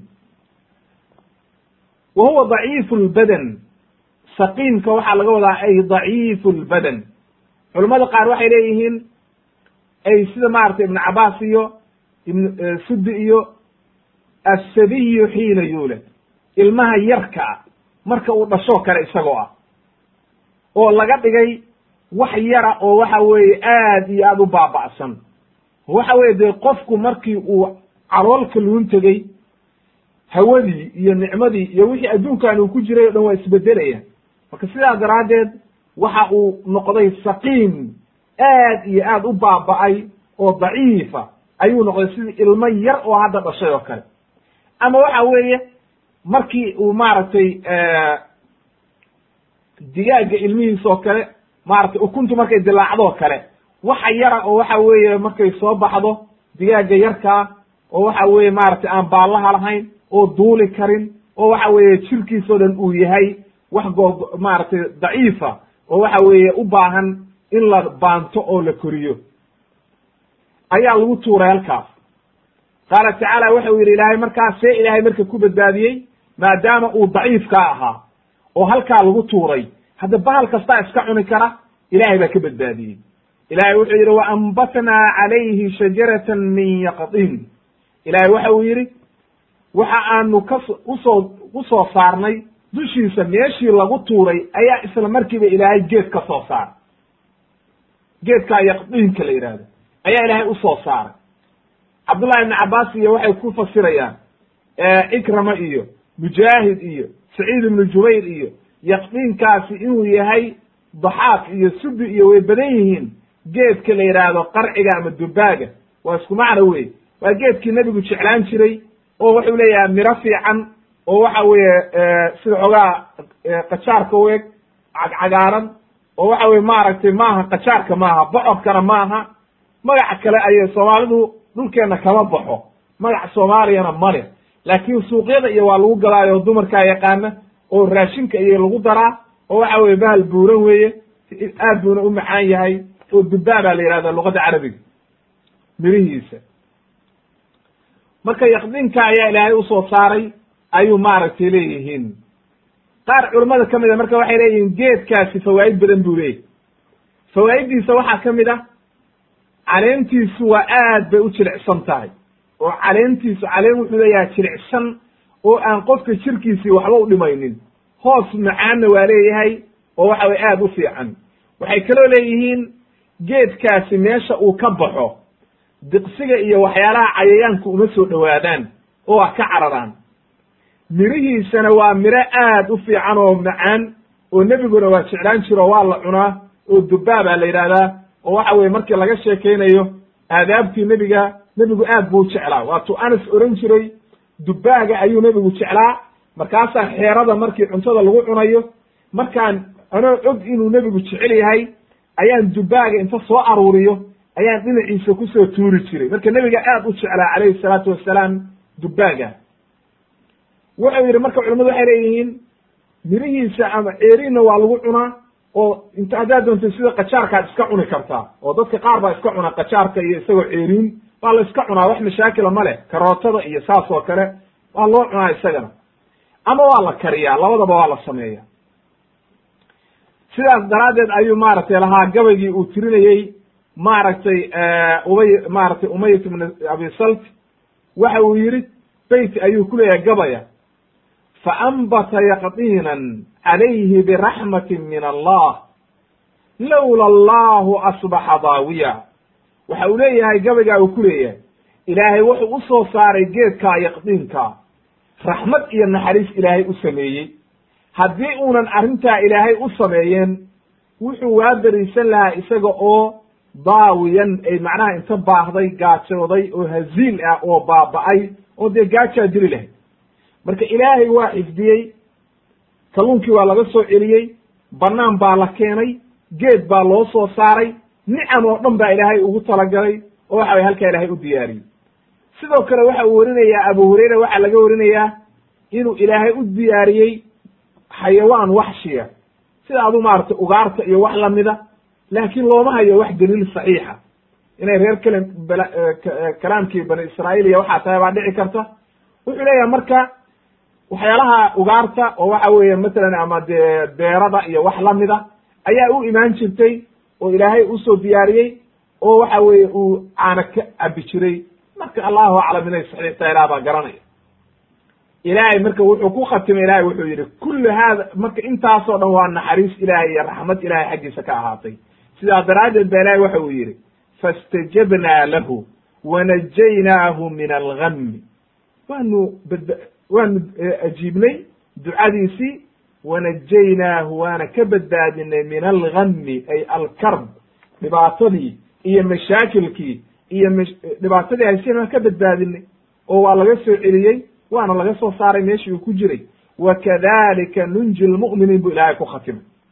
Meelo aad u badan baad arkaysaa markii ilaahay uu rasuul kasta badbaadiyo gaaladiina uu halaago ayaa ilaahay ku khatimaa wakadalika nunji lmu'miniin mu'miniintana saasaanu u badbaadinaa ay macnaha xilli kasta iyo wakti walba oo ninka mu'minkaahi uu dhibaata ku timaado oo uuna ilaahay uu u soo noqdo gacmaha u hoorsado ilaahay wuxuu ballan qaaday qofka mu'minkaa inuu badbaadinayo allahuma jacalnaa minhum oo waxau ilaahu rabbi ou na badbaadi dhibaatada iyo mashaakilka iyo waxa dhacaya ilaahu rabbi ou naga badbaadi adaa qaadire qodobka sade sideedaad aan u soo gudbayna waxa weeye dacwatu dinnuun najaatun min algam. Dacwadii nabiyullaahi yuunus calayhi salaam uu ku dhawaaqay waxa weeye waxa ay noqonaysaa najaatun min algam. Waxay kaa badbaadinaysaa haddaad ducadii nebiyullaahi yuunus aad ilaahay ku baridid. Dhibaato kasta iyo mashaakil kastoo kugu dhaca ilahay waa kaaga badbaadinay waxaa ku sugan arrintaa nebiga calayhi salaatu wasalaam baa laga wariyey inuu yidhi dacwatu dinnuun xadiidkii uu werinayey sacd ibni abi waqaas radi allahu canhu. Ayuu wuxuu yidhi nebigaa wuxuu yidhi dacwatu dinnuun nebiyullaahi yuunus weeye dacwadiisii id dacaa waktigii uu baryey wa huwa fii badni alxuuti isagoo ku jira kalluunka uurkiisii. Waxay ahayd laa ilaaha ilaa anta subxaanaka inii kuntu min aldaalimiin ilaahayow adiga maaha ilaah kale ma jiro. Subxaanaka xumaan oo dhan baad ka nasahan tahay. Anigana waxaa noqday inii kuntu min aldaalimiin dadka dhaalimiinta oo dembiga galay ayaan ka mid noqday. Ay macnaha waan kuu toobad keenayaa oo waan kuu soo noqonaya oo toobad ayay ahayd. Sidaa daraaddeed ayuu nebigu wuxuu leeyahy calayhi salaatu wassalaam marka aayaddaasi fii suurati tawba ayay ku jir waxay ku jirtaa fi suurati alambiya raqamka aayadda numberku waxa weeye siddeetan iyo toddobo. Qofkii raba waa xifdin karaa laa ilaaha ilaa anta subxaanaka inii kuntu min aldaalimiin ayuu maaragtay ducadaasi ahayd. Nebigu wuxuu yidhi marka calayhi salaatu wassalaam fainahu lam yadcu biha rajulun muslim. Qof muslima ma jiro ama rag ha noqdo ama dumar ha noqdee oo ku barya ducada ilaahay. Noocuu doonana ha ka barye ila istajaaba allahu lahu. Ilahay waa ajiiba. Haddaba ducadaana waa duco aad iyo aad u qiimo badan. Waana duco fudud. La xifdihi karo. Laa ilaaha ilaa anta. Subxaanaka inii kuntu min aldaalimiin ayaad dhahaysaa markii aad rabtid ilahay inaad wax ka beridid ayaad taqdiiminaysaa oo marka hore intaad ilaahay ducadaa ku ku sharaftid oo ilaahay aad nasahdid oo xumaan oo dhan ka huftid oo aad caqiidadii iyo tawxiidka iyo laa ilaha illa allah qabsatid oo aad qirtid khaladkaaga ayaad markaa ilaahay baryaysaa kabacdi ilahay waa ku ajiibaya markaa.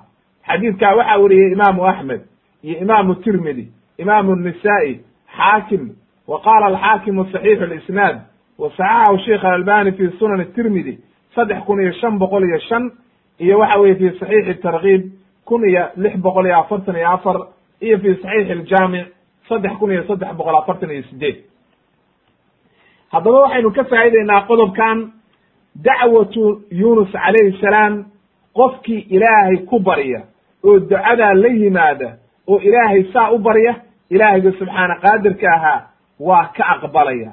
Haddaba waxaa loo baahan yahay in ducadaa lagu dadaalo oo rabbigii subxaana qaadirkaa lagu baryo oo aynu ilaahay ku barino ducada ayaa aad iyo aad loogu baahan yahay qodobka sagaalaad aan u soo gudbayna waxa weeye. Fadligii iyo wanaaggii uu lahaa nabiyullahi yunus ayaynu wax ka sheegayna. Qaala allahu tacala ilahi waxa uu yidhi awalan horta waa rasuul min almursaliin wey oo waxa weye dee derajada rususha ayuu ka mid yahay.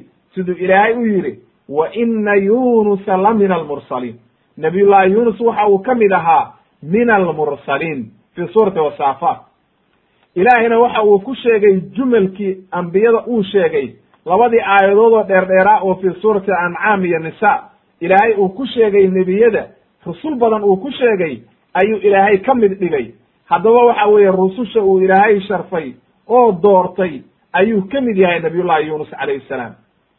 Sidoo kale nebiga calayhi salaatu wasalaam waxa uu ka warinaya cabdullaahi maaragtay can cabdillahi laga warinaya ibni mascuud radi allahu canhu nebigu inuu yidhi laa yaquulanna axadukum inii khayrun min yunus yuunan qofkiina odhanin anaa ka khayr badan nabiyullahi yunus marka khayriyadaasi ma waxaa laga wadaa ay ha oranina nebi maxamed baa ka khayr badan mise waxaa laga wadaa qofku yuunan isagu oranin anaa ka khayr badan hadhowba dib baynu ka keenaynaa oo labada qowlba culummadu waxa weye waa qaarba nooc bay yidhaahdeen xadiidka laakin waxa weriyey imaamu albukhaari fi saxiixihi axaadiis alambiya ayuu ku wariyey saddex kun iyo afar boqol iyo labiyo toban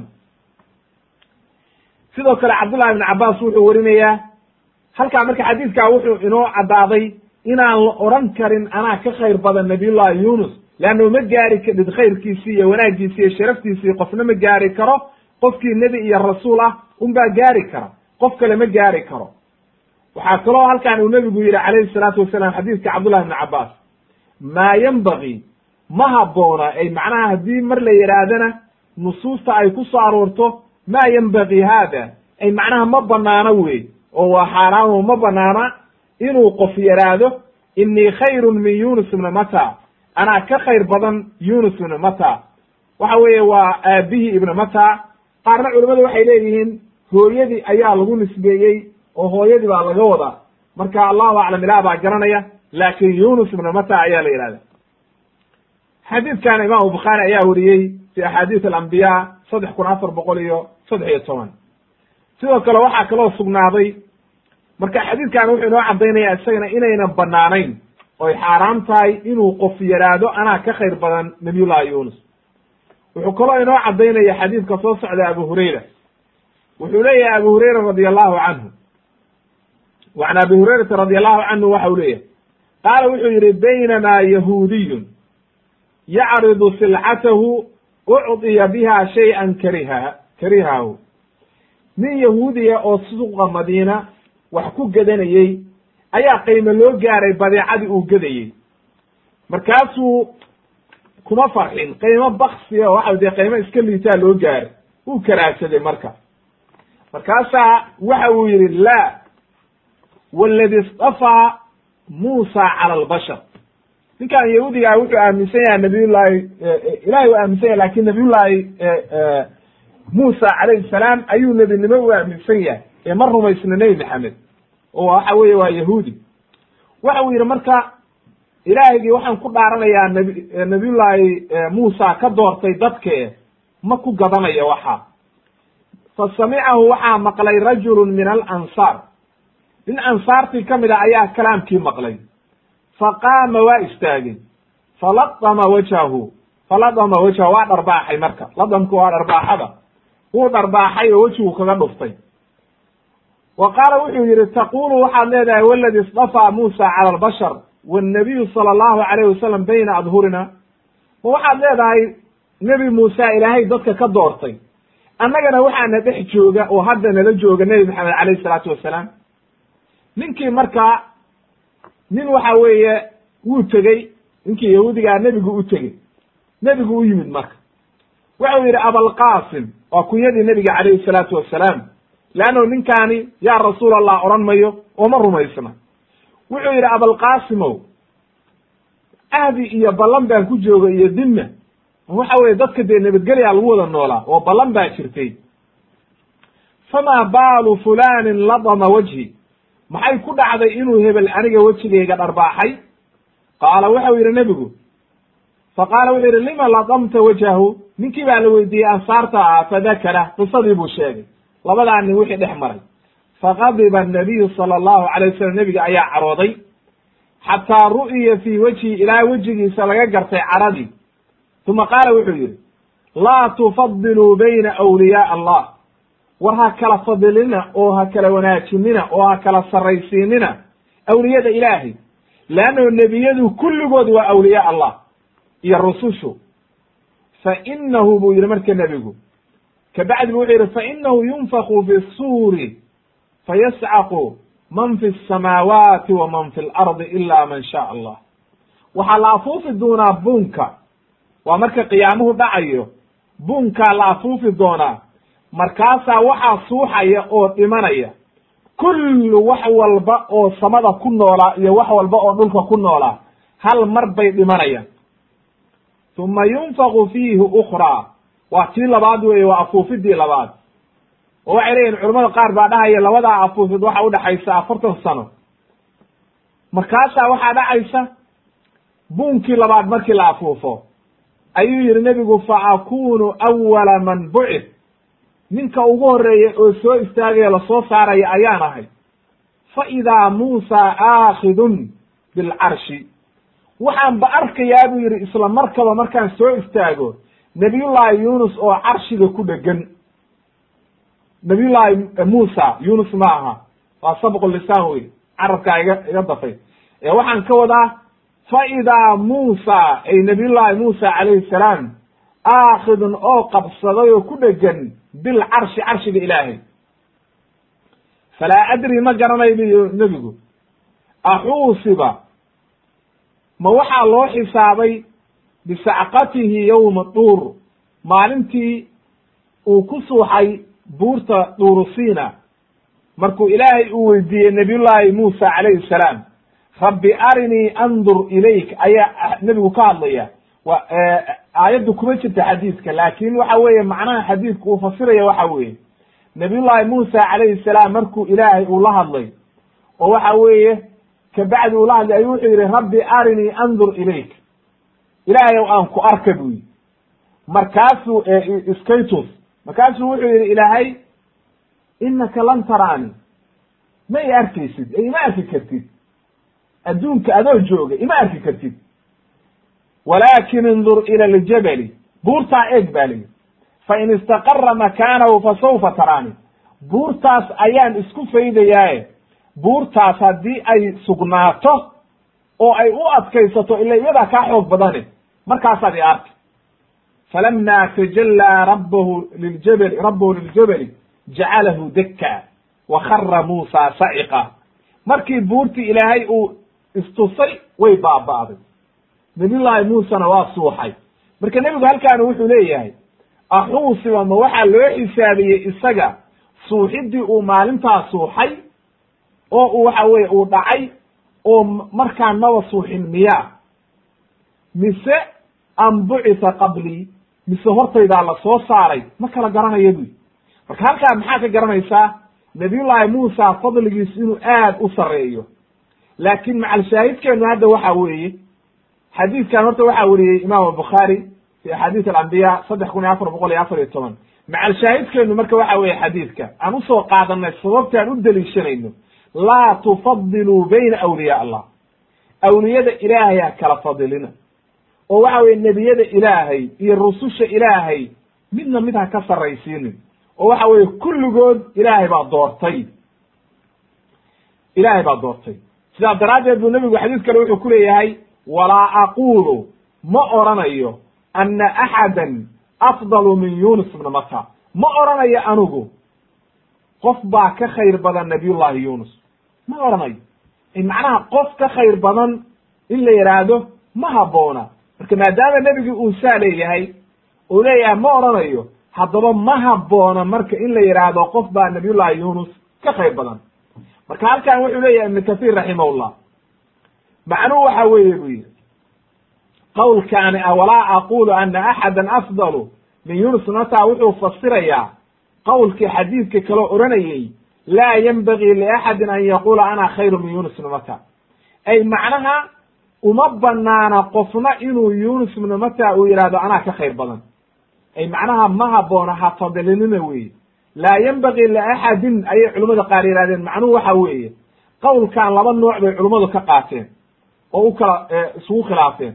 Qaar waxay yidhahdeen macnuhu waxa weeye aniga ha iga fadilina nabiyullahi yunus oo ha oranina nebi maxamed baa ka fadli badan nabiyullahi yunus iska daa nebiyadii kale oo ululcazmiga iyo waxaasoo dhan ka soo gudub xataa nabiyullahi yunus oo waxa weeye dadka qaar is odhan karaan maadaama uu cararay ama waxa weeye la xabsiyey ama ciqaab uu mutay xoogaha waxa weye nebiyada kalea ka fadli badnaa.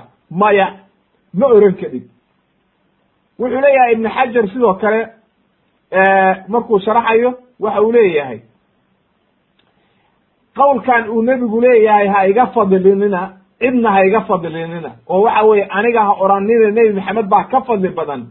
Waa tawaaduc wey ee nebigu waa ka fadli badan yahay rusushoo dhan.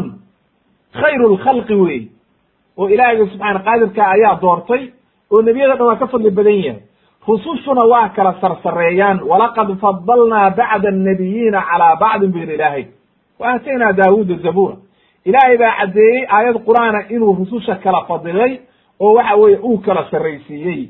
Laakiin innaga kulli waa isuukeen mid oo waxa weeye rusushii ma kala fadilayno leanna axaadiid kalaa soo aroodhay laa tufadiluunii cala alambiyaa hayga fadilina oo waxa weeye rususha hayga fadilinina oo ha odhanina nebi maxamed baa rususha o dhan ka fiican.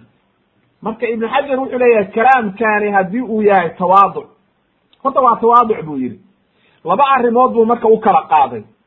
Waxaa dhici karta buu yidhi nebigu qowlkan in inuu yidhi intii uunan ogaanin horta hadday tahay buu yidhi axaadiistani markuu ogaaday inuu yahay khayru lkhalqi waa tawaaduc buu yidhi. Oo nebigu waa tawaaducaya haddii laakiin ay tahay intuunan ogaanin waa sida daahirkaa oo nebiga intaan loo waxyoonin inuu yahay isagu ninka ugu fadli badan. Hadda wuxuu leeyahay marka intii ka horreysay ha kala fidilnina rususha oo waxa weye awliyada ilaahay waa isku wada mide daaye. Haddaba intaasoo dhan waxaynu ka qaadanaynaa oo ina tusayaa qodobkaasi. Nebiyullaahi yuunus fadligiisu aad buu u badnaa aad buuna u wanaagsanaa. Rususha ilaahay doortay buu ka mid yahay oo lagu dayanayo mana haboono qofna qalbigiisa inay gasho inuu is yidhaahdo nebiyullaahi yuunus calayhi salaam waa isagii marka ka tegey amarkii ilaahay uu amray oo halkaa aadaye amay rususha kale ka fiican yihiin ma haboono qofka muslimkaa inay qalbigiisa gasho waa in la iska ilaaliyo. Marka arrintaani waxay ahayd qadar rabbi oo ilaahiyga subxaana qaadirka baa ugu talagalay asbaab bay lahayd. Marka waxa weye marnaba inaad tiraahid ma aha arrinta aad waxa weye qalbigaaga soo gasho. Qodobka ugu dambeeya oo tubnaad waxaan ku soo gebagabaynaynaa oo qisatu yunus xaju yunusa calayhi salaam. Nabiyullaahi yunus oo soo xajiyey oo xajkiisii nebigu ka sheekeeyey ayaynu halkaana qeyb ka soo qaadanaynaa oo waxa weeye aynu xusaynaa insha allahu tabaaraka wa tacaala. Can cabdillahi ibni cabbaas baa waxaa laga warinaya inuu yihi radi allahu canhuma ana rasuula allahi sala allahu alayhi wasalam mara biwaadi alazraq nabiyullah nebi maxamed baa wuxuu soo maray xajatu wadaac markii xajkii uu ku jiray wey oo waxa weeye uu maaragtay saxaabadu la socdeen ayuu wuxuu soo maray waadiga la yidhaahdo waadi alazraq oo waxa weeye waadigaasi waxa udhexeeyaa maka iyo maaragtay madiino waa meesha ay soo maraan dadka xujaajta markii laga yimaado mak madiine iyo sham iyo xagga fa qaala wuxuu yidhi ayu waadin haada saxaabadiiba weydiiye wuxuu yidhi webigaani waa kee meeshaan togaani waa togee fa qaaluu waxay yidhaahdeen haada waadi alazraq. Waa waadiga la odhan jiray alazraq. Qaala waxa uu yidhi markaa nebigu kaannii anduru ilaa muusa calayhi salaam. Waxaad i moodaa inaan u jeedo nebiyullaahi muusa calayhi salaam.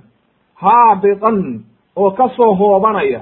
Habada macnaheedu waxa weeye qofku markuu meel sare ka soo daadegayo oo waxa weeye meel kore uu ka soo daadegayo sida buur iyo oo uu hoos u soo socdo ayaa la yidhahdaa habata ay macnaha haabitan min athaniya. Thaniya waa buurta iyo meelaha taagtaagga.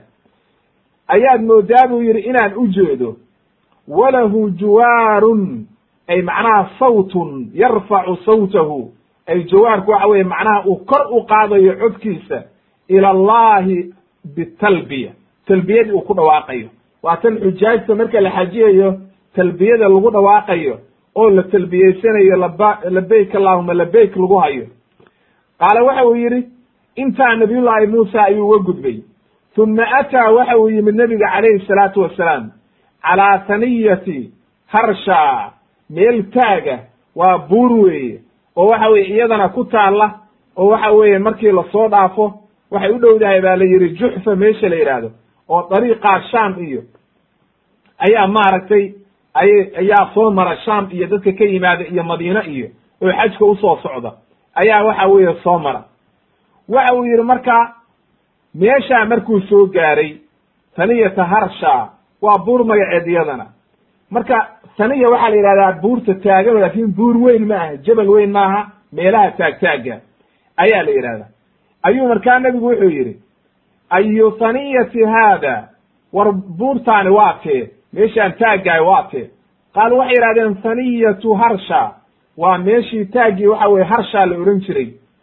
Qaala waxa uu yidhi nebiga calayhi salaatu wasalaam kaannii anduru ilaa yunus bna mata.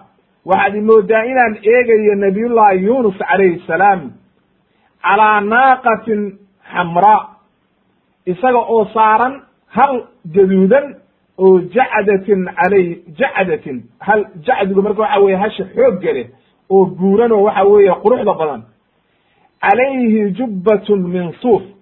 Ay dushiisa ay tahay oo labisan jubbad waxa weye jaakada weye suuf laga sameeyey. Khitaamu naaqatihi khulbatun wa huwa yulabbi khitaamku waxa weeye waa waxa xarigga faruurta looga xiro geela oo waxa weye afka lagaga xiro wey ayaa la yihahdaa khitaam waa hogaanka ay tahay maaragtay liif maaragtay waxyaalaha geedka timirta iyo laga sameeyo weye wuxuu yidhi wa huwa yulabbi oo talbiyeysanaya labayk allahuma labayk ku haya oo xajka u socda.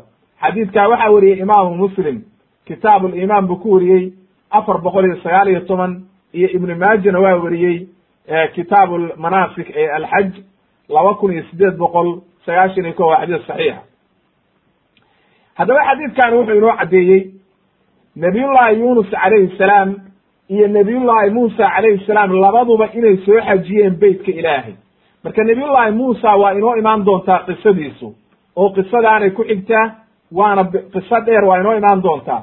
Laakiin hadda macalshaahidkeenu waxa weeye nabiyullahi yunus calayhi salaam oo soo xajiyey oo xajkii tegey oo waxa weeye fadligiisa iyo wanaaggiisa ay ka mid tahay inuu beytka ilaahay soo dhawaafay oo soo xajiyey ayaa halkaa inooga caddaatay. Haddaba wanaaggiisa iyo fadligiisa lama soo koobi karo. Waa nebi ilaahay waa rasuul ilaahay ilaahay baa doortay waa ducaau mustajaaba ayuu ahaa fadaa'il badan buu leeyahay intaasoo dhan ayaa maaragtay iyo ka badanba ayuu leeyahay. Waxaan marka qisadiisii ugu dambayntii aan ka soo qaadanaynaa toban faa'ido oo waxa weye aynu ka faa'idayno qisatu yunus calayhi salaam qodobka koowaad aynu ka faa'idayno waxa weye faa'idada koowaad. Taqriiru nab nubuwati yunus wa risaalatihi ilaa ahli naynuwa calayhi salaam. Nabiyullahi yunus calayhi salaam inuu nebi ahaa kow rasuul inuu ahaa loona diray dadkii deganaa ciraaq iyo halkaa naynuwa meesha la yidhaahdo loo diray. Ayaynu ka faa'ideynaa oo halkaa dadka ayaa loo diray. Waxaynu kaloo ka faa'ideynaa marka nabiyullahi yunus waana wakti dambe u ahaa oo waa min duriyati nabiyullahi ibraahim calayhi salaam. Ayuu ka mid yahay. Waxa aynu ka faa'ideynaa midda labaad. Mashruuciyati aliqtiraaci lifadli الnizaaci fi qismati alashyaai wa naxwiha in la qori tuurto oo saamiga la isticmaala inay bannaan tahay oo diimihii hore ummadihii horena ay isticmaali jireen haddana la isticmaali kara ayaynu ka faa'ideynaa waatay caaisha werinaysay radi allahu canha qisadeedii xaadithatu lifki markay dhibaatada lagu sameeyey oo lagu been abuurtay waxay tihi nebiga calayhi salaatu wasalaam dumar badan buu qabay. Ilaa sagaal dumaruu lahaa. Markii uu doonayo inuu safar aado wuu u qori tuuri jiray. Mid ka mida ayaa midii qorigeedu soo baxaa raaci jirtay. Caaisha ayaa qorigeedii soo baxay way raacday markaa oo waxa weeye la baxday. Marka qori toorashadu waa wax jirta oo in la saanyoodo oo waxa weeye saami la sameeyo waa wax jira weyn. Waxaan ka faa'ideynaa midda saddexaad fadlu salaati waaldikri waadducaa'i waatasbiixi xilliga aad wanaagsan tahay waxa weeye inaad tasbiixsatid salaada aad tukatid ilaahay beridid cibaadada bedisid wanaagga ay leedahay khaasatan markii dhibaatada kugu dhacdo. Leanno nabiyullahi yunus calayhi salaam markii uu kalluunkii liqay meel kale uma ma u aadin cid kalena ma baryin ilaahay buu gacmaha u hoorsaday ilaahay buu beriyey ilaahay buu u toobad keenay. Rabbigii subxaana qaadirka ayaa badbaadiyey markaa. Waxaynu kaloo ka faa'ideynaa midda afraad. Taqriiru qaacidati tacaraf ila allahi fi rakhaa yacrifka fi shidda. Nebiga calayhi salaatu wasalaam qaacidadaa uu ina siiyey. Sida ay maaragtay saxiix u tahay. Oo waxa weeye qof walba qalbigiisa inuu dhigo oo loo baahan yahay inaad maskaxda ku haysid oo a macnaheedu uu yahay marka aad barwaaqada ku jirtid wanaagga ku jirtid ilaahay caabud oo ilaahay ka bad markay dhibaata kugu timaada ayaa ilaahay ku badbaadinayaa. Waxaynu kaloo ka faa'ideynaa midda shanaad.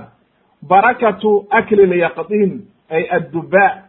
Inay maaragtay maadaama nebigu jeclaa nebi dhanna ilaahay ku badbaadiyey geedkaa la yidhahdo yaqdiinka oo dubaaga ah mirihiisa dubaaga la yidhaahdo inuu qofku cuno inay wanaagsan tahay aad iyo aad bay u fiican tahay waxa weeye rabbigii subxaana qaadirkaa nebi dhan buu ku badbaadiyey. Nebiguna waa jeclaa. Oo waxa weeye aad buu jeclaa nebi maxamed alayhi salaatu wassalaam waxaynu kaloo ka faa'idaynaa midda lixaad. Fadlu qowmi yunus nabiyullahi yunus qoomkiisii wanaagga ay gaareen id aamanuu kulluhum walam tu'min ummatun bikaamilaha ilaa hum. Iyaga mooye cid kale oo dhammaantood wada rumaysay rusushii aynu ka soo sheekaynay oo dhan. Ilaa iyo hadda waa rasuulkii shan iyo tobnaad ama lix iyo toban baynu maraynaa. Weli ma hayno rasuul kale oo ummaddiisii oo dhan wada rumaysay. Ilaa qowmu yunus mooye. Iyagu waa wada rumeeyeen fadligaa iyo wanaaggaasay marka leeyihiin oo waxa weeye kulligood waa rumeeyeen markii dambe. Markii horeba ha gaaloobeen laakiin markii dambe kulli waa rumeeyeen. Waxaynu kaloo ka faa'idaynaa faa'idada toddobaad. Fadiilatu dacwi dacwadii nabiyullahi yunus calayhi salaam dacwatu yunus dacwatu dinnuun nb nebiga calayhi salaatu wasalaam maadaama uu yidhi qof kasta oo mu'mina oo waxa weeye ducadaa ilaahay ku barya ilahay baa ka ajiibaya. Maxay tahay markaas dacwadaasi? Waa ducadii aynu soo marnay laa ilaha ilaa anta subxaanaka inii kuntu min adaalimiin in waxa weye ilaahay lagu baryo leanno saddex faa'ide ayay xambaarsan tahay baynu nidhi mar waxa weeye waa caqiido waa tawxiid waa laa ilaha ila allah marna waxa weeye ilaahay baad xumaantoo dhan ka nasahaysaa subxaanaka ayaa tiri. Marna waa toobadkeen weeye waa iqraar dembigaagii inaad qiratay ilaahay marka waa kaa aqbalaya. Ilahay ha lagu barya marka sidii nebigu inoo sheegay. Waxaynu kaloo ka faa'idaynaa midda sideedaad. Qubulu tawbati qabla mucaayanati alcadaab liman taaba ila allahi wa tadaraca ilayh. Intaan ciqaabtu imaanin oo dhibaatadu kugu dhicin oo mashaakilku imaanin oo aadan gaarin maaragtay wakti aan toobadda la aqbalin inaad ilaahay u toobad keentid oo ilaahay loo tadaruco oo ilaahay loo soo noqdo inay aada u fiican tahay ayaynu aad iyo aad uga faa'ideynaa maadaama qowmu yunus ay ilaahay u toobad keeneen ilaahayna badbaadiyey oo ilaahay yidhi lama aamanuu kashafnaa canhum cadaaba alkhizyi fi lxayaati addunya wamatacnaahum ilaa xiin midda sagaalaad waxaynu ka faa'ideynaa wujubu sabri cala addacwa mahma kaanat. Inuu qofka daaciga ahi sabro mahma kaanat isacaabu wax walba oo dhibaata iyo mashaakil in kasta ha la ekaadeen mashaakil kasta ha yimaado dhibaato kasta ha timaado qofku inuu sabro oo dacwada u sabro oo ilaahayga subxaana qaadirkaa uu ka baqo ayaa la rabaa. Marka waxa weeye nabiyullaahi yuunus waxaa lagu canaantay sabirkii yaraa oo uu ka degdegay. Nebigana waatuu ilaahay lahaa. U sabir oo dacwada u sabir. Walaa takun ka saaxibi alxuut oo waxa weye ha la mid noqonin oo ha degdegin ee sabir. Marka waxaa loo baahan yahay qofka daacigaa inuu sabro oo ilaahay u sabro oo dhibaato kasta oo ku timaada uu sabro leanna ilaahay baa ka abaalmarinaya.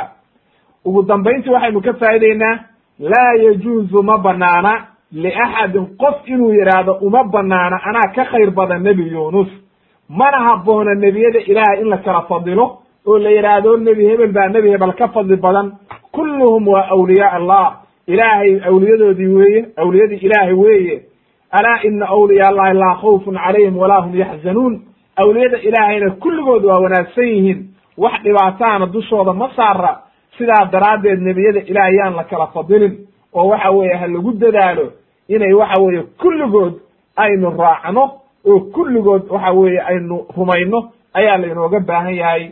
Intaa marka ayaan ku soo gebagabaynayaa qisatu nabiyullahi yunus calayhi salaam. Wax alla wixii khaladana ilahay baan uga toobadkeenayaa wax alla wixii saxana rabbigii subxaana qaadirka ayaan ku maadinayaa uguna shukrinaqayaa weydiisanayaana ilaahay inuu ii ziyaadiyo. Maaragtay nicamkiisa iyo wanaaggiisa. Qof walba oo ka faa'idaysto oo muslimiintana waxaan leeyahay ilaahayda ka mid dhigo aladiina yastamicuuna alqawla fayattabicuuna axsana wa subxaanaka allahuma wabixamdika ashhadu an laa ilaha ila anta astagfiruka wa atuubu ilayk walxamdu lilahi rabi alcaalamiin